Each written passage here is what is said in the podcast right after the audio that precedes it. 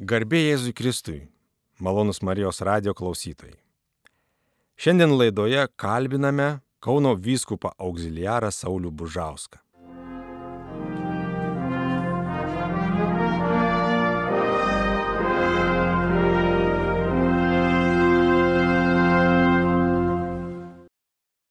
Ganytojau, pradėkime nuo svajonių. Pasvajokime. Koks jūsų svajonių kampelis?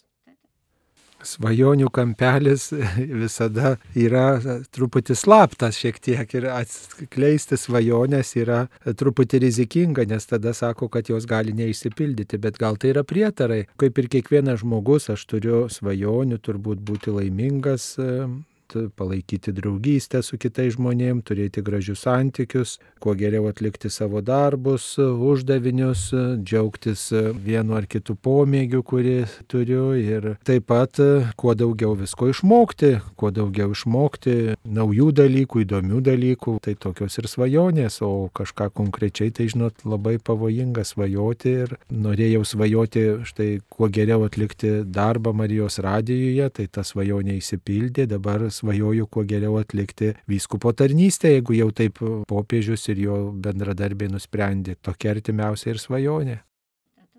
Sakykit, ganytojo, o kur jūs norėtumėte pasprūkti nuo visų darbų, šurmulio, triukšmo, vat, kur norėtumėte pailsėti? Gamtoje, namuose, o gal jūs pailsite darbe?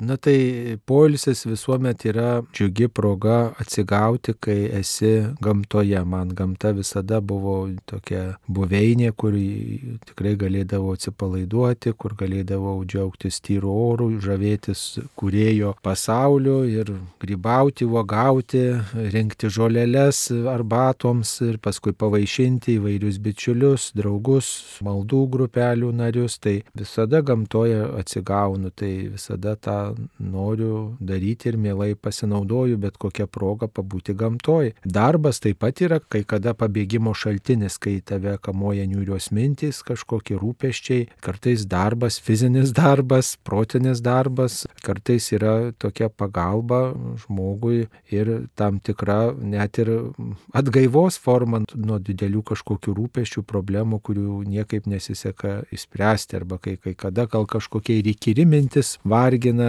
tai kažkoks darbas visada padeda. Namai, santykiai su artimaisiais, su tai žmonėm, kurie man mėly, draugai, bičiuliai, kuriems aš brangus, kurie mane vardu vadina, tai su jais visada malonu būti ir jie taip pat yra būdas ir bendrystę išgyventi. Tie žmonės yra tokia pagalba man, padedanti jaustis pilnaverčių žmogumi ir, ir jie padeda suprasti kažką ir apie save ir, ir taip pat padeda išgyventi tiesiog žmogiškumą, padeda pasijusti tikrų žmogumi, va, kad kaip ir bet kuris kitas žmogus nori būti mylimas ir mylėti, tarnauti, tai lygiai taip pat ir aš noriu turėti tokių artimų žmonių, su kuriais yra gera būti ir su kuriais pailsi, bendraudamas, klausydamasis jų arba jiem kažką pasakodamas apie save. Jūsų atsakymas buvo gamta. Tad dabar užsimerkite ir mintyse nukeliaukite į Dievo sodą, kur daug angelų, medžių, gėlių. Kiekvienas mes turime angelą sargą. Štai jums mintyse daugybė spalvų. Nupieškite savo angelą sargą. Koks jis? Angelas sargas visuomet yra didelis, nes jam reikia lydėti tokį nemažą žmogų kaip aš. Mano angelas sargas tikrai turi būti didelis, nes aš kartais skubu, dažnai skubu kur nors ir tiesiog tam, kad mane sulaikytų, prilaikytų ir, ir apsaugotų, tikrai aš taip suprantu, kad turi būti didelis angelas sargas ir jis tikrai gali būti įvairių spalvų tikriausiai, nes dvasia neturi spalvos, tai man labai sunku būtų spalvą spalvą angelui priskirti, bet na, mano gyvenime angelai sargai tikrai buvo įvairių pavydalų. Tikrai savo gyvenime turėjau tokių ypatingų žmonių, kurie gal ir pavadavo Angelą Sargą arba juos Angelas Sargas pasitelkė. Tai tikrai esu dėkingas Dievui, kad įvairiais gyvenimo laikotarpiais sutikau be galo tokių geraširdžių žmonių, kurie mane mylėjo, kurie man padėjo, kurie mane palaikė, pasakė gerus žodžius, kurie tikrai džiugino įvairiausiais būdais ir į kuriuos aš atsirėmiau ir tiesiogiai prašiau pagalbos ir taip pat galbūt bendraudamas ar būdamas su jais tiesiog jausdavausi saugus. Tai manau, kad Angelas Sargas labai turi daug talkininkų ir tie talkininkai tai yra tie gerieji žmonės, kuriuos mes savo gyvenime sutinkam įvairiose situacijose ir kurie yra didelė paguoda, atgaiva mums, atrodo jie atsitiktiniai žmonės, bet aš sakyčiau, kad krikščionių gyvenime nėra nieko atsitiktinio. Kokį medį sodintumėte Dievo sode ir kokią gėlę? Medis ir gėlė. Gėlės man visos gėlės yra labai gražios. Išskirti vieną tikrai būtų be galo sunku. Dievo sodė reikia sodinti, žiūrint koks sezonas, matot, yra. Pavasarį sodinam vienas gėlės, vasarą kitas, rudenį dar kitas ir žiemą džiaugiamės dar kitom, tai net ir tam Dievo sodė sodinčiau labai turbūt skirtingas gėlės. Nu, pirma gėlė, kuri ateina man į galvą ir kurią aš tikrai buvau labai pamėgęs ir kuri džiugina mane. Ir dabar aš tą gėlę auginu savo namuose, tai yra amarilis, kuris yra svūgų gyvūninis augalas ir pražįsta kartą metuose ir tikrai pražįsta labai gražiai ir prisimenu vieną kunigą, kunigas Kazimieras Žemėnas, darbavęsis Vilniaus arkiviskupijoje, kuris turėjo didelę marilių kolekciją ir jisai pražydindavo marilius būtent šventoms Velykoms, papuoždavo Kristaus kapą ir taip pat didįjį altorių tais laikais, kai gėlių būdavo sunku gauti. Aš taip pat stengiuosi kaupti marilių kolekciją, bet visada stinga laiko jiems prižiūrėti. Tai žydintis augalas, bet beveik visus metus taip pat gražiai žaliuojantis. O O šiaip tai iš tikrųjų kiekvienas augalas yra savotiškai gražus ir jis kiekvienas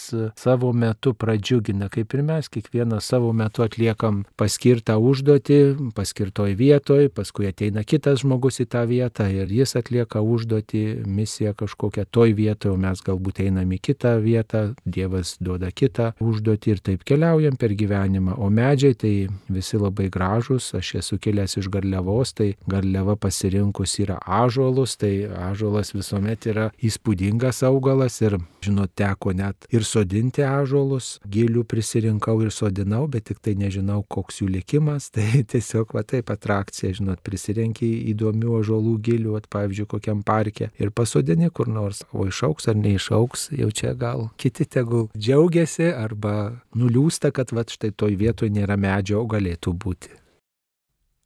O dabar nelengvas klausimas apibūdinkite savo charakterį keliais žodžiais.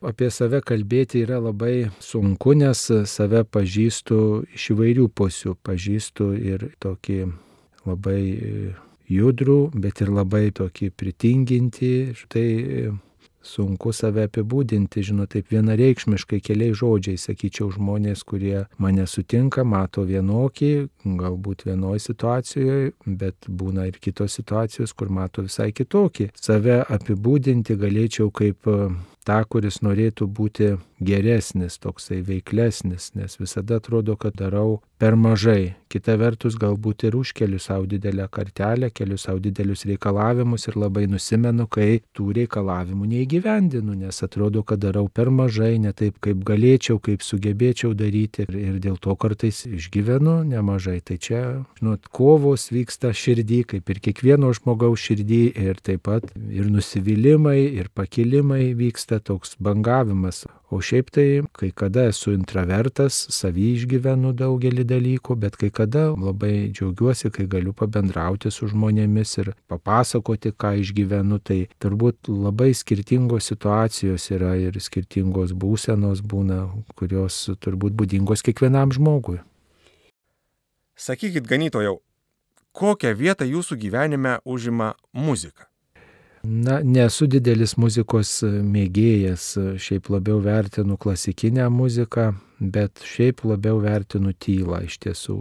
Tai per savo gyvenimą stengiausi daugiau klausytis tekstų, daug skaityti teko ir kalbėti, rašyti teko tekstų, tai šalia tekstų visada pasilgstu tylos. Visada džiaugiuosi tyla, kai galiu tylėti, kai kiti tyli ir kai galiu mėgautis tą tylą, pavyzdžiui, kokiam vienuolynė, toj pačioj gamtoj. Ir labai, pavyzdžiui, tyla yra išgyvenama ir tokia labai iškalbinga tyla tai yra pelkiai. Jeigu kas buvot pelkiai, tai pavyzdžiui, rudenį ar žiemą ar vasarą, tai ta tyla, jinai tokia yra ypatinga. Tai gamtos tyla, tokia ramybės tyla, tokia pusiausvyros tyla, tokia darnos tyla, kurioje atrodo, nu, vat, nieko netrūksta, yra vat, tokia kūrinyje, kokią ten matai, bet jinai turi savo kažkokią nišą, kažkokią dalį viešpaties planuose ir ta, ta tyla jinai leidžia pailsėti, leidžia atsigauti, iškyla gal kažkokie gražūs dalykai, gal koks skaudus dalykas, ta pati svajonė gal kokia iškyla arba planas, troškimas kažkoks iškyla. Toj tyloj gali labiau atrasti save va tokioj tyloj.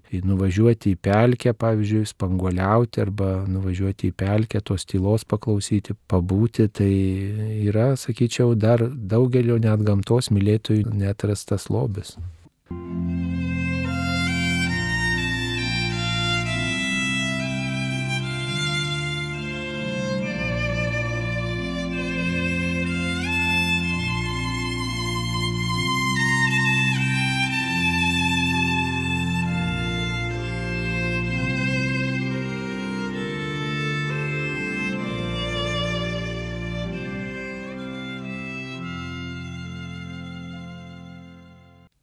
Liturgijoje yra labai daug įvairiausių simbolių.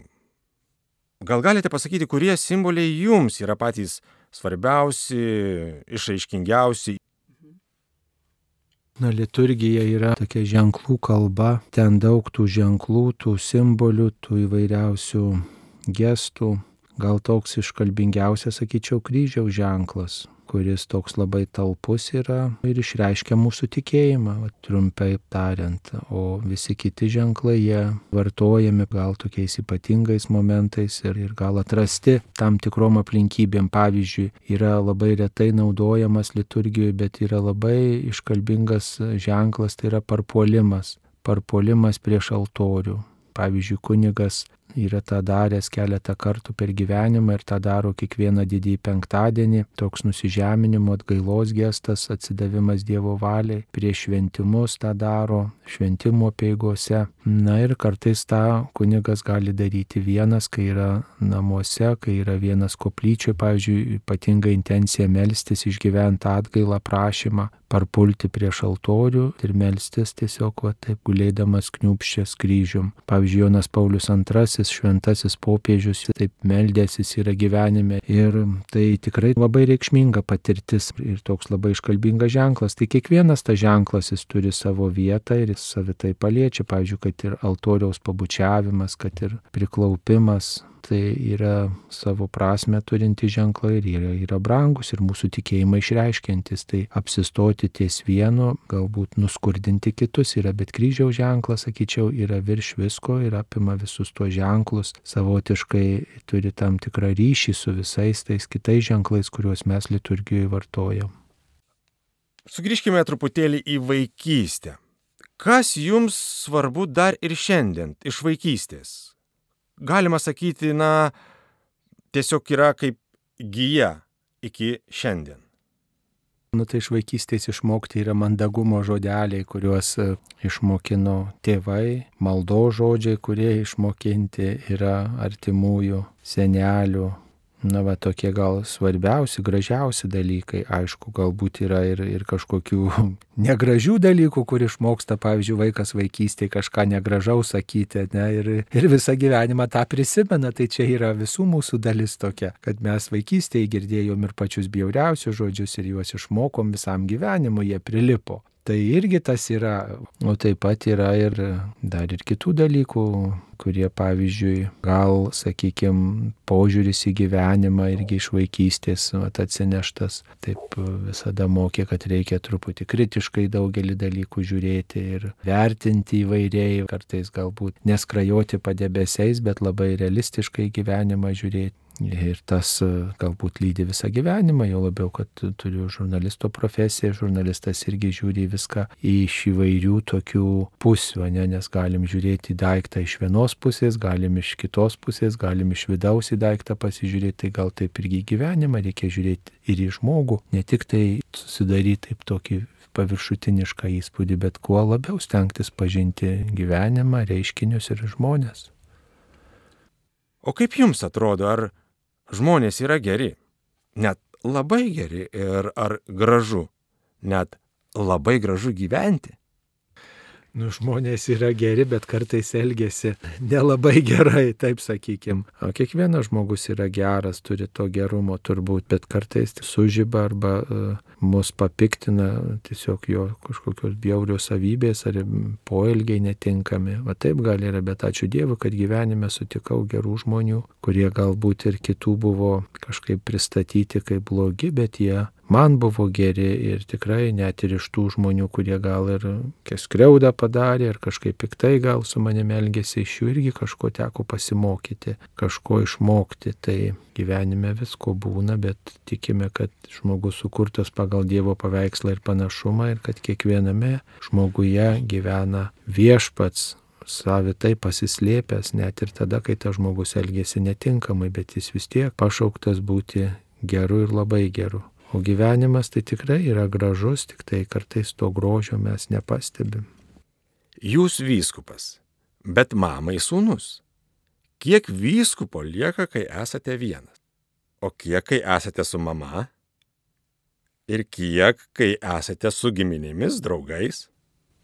Nu, tai santykis su žmogum nepasikeičia. Vienas dalykas viešai, kai yra tam tikras bendravimas oficialus yra viena, o kitas yra tas betarpiškas bendravimas, kaip ir tas kalbos kodas, kaip ir aprangos kodas yra, tai ir bendravimo kodas turbūt yra su žmogum. Aš tai taip manau, kad taip kaip, taip kaip ir iki šiolė, taip ir toliau bendrausime, kaip susitinkame ir labai nenorėčiau, kad tas kažkaip keistusi ar su giminėm, ar su draugais, ar su pažįstamais, o visa kita tai apauga kažkokiais ten titulais, kažkokiais kreipiniais, kažkokiais protokolais. Tas truputį vargina, bet čia turbūt toks paveldas, kultūrinis, nežinau, religinis, dar kažkoks paveldas. Bet santykis su žmonėmis yra vertybė ir į tą vertybę, tą santykį puoselėti ir, ir gilinti, sakyčiau, ir investuoti į jį. Tai Dieve duok, kad būtų jėgų ir ūpo palaikyti taip, kaip buvo iki šiolė, kam esi sunus, kam esi pusbrolis, kam esi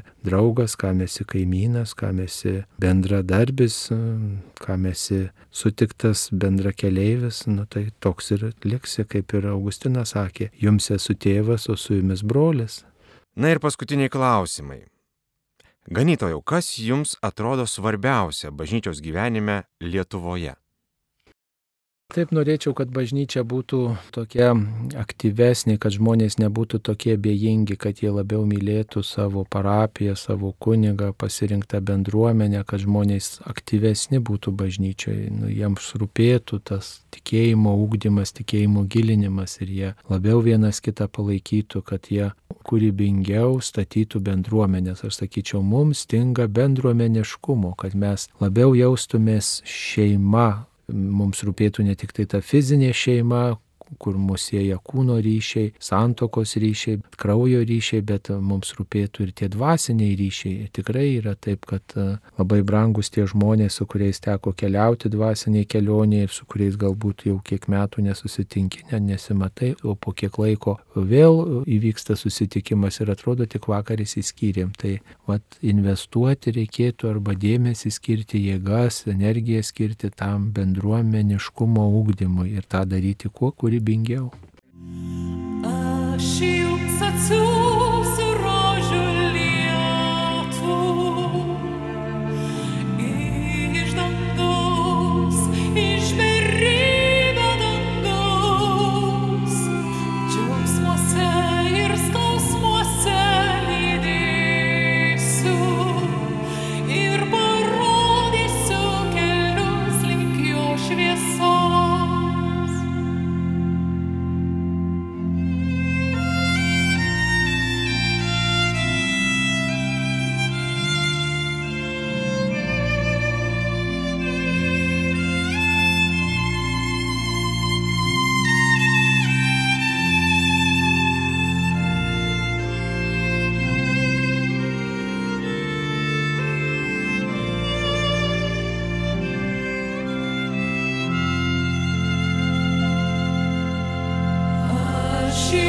atsiųsiu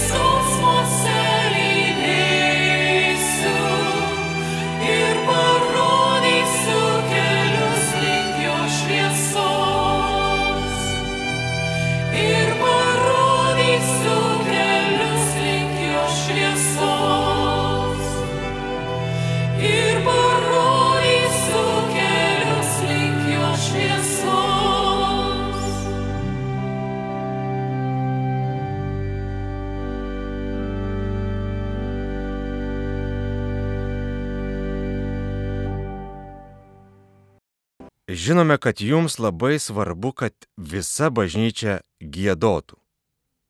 Buvo net sakoma, kad visa bažnyčia gėda taip gražiai ir galingai, kad net žvakės gesta.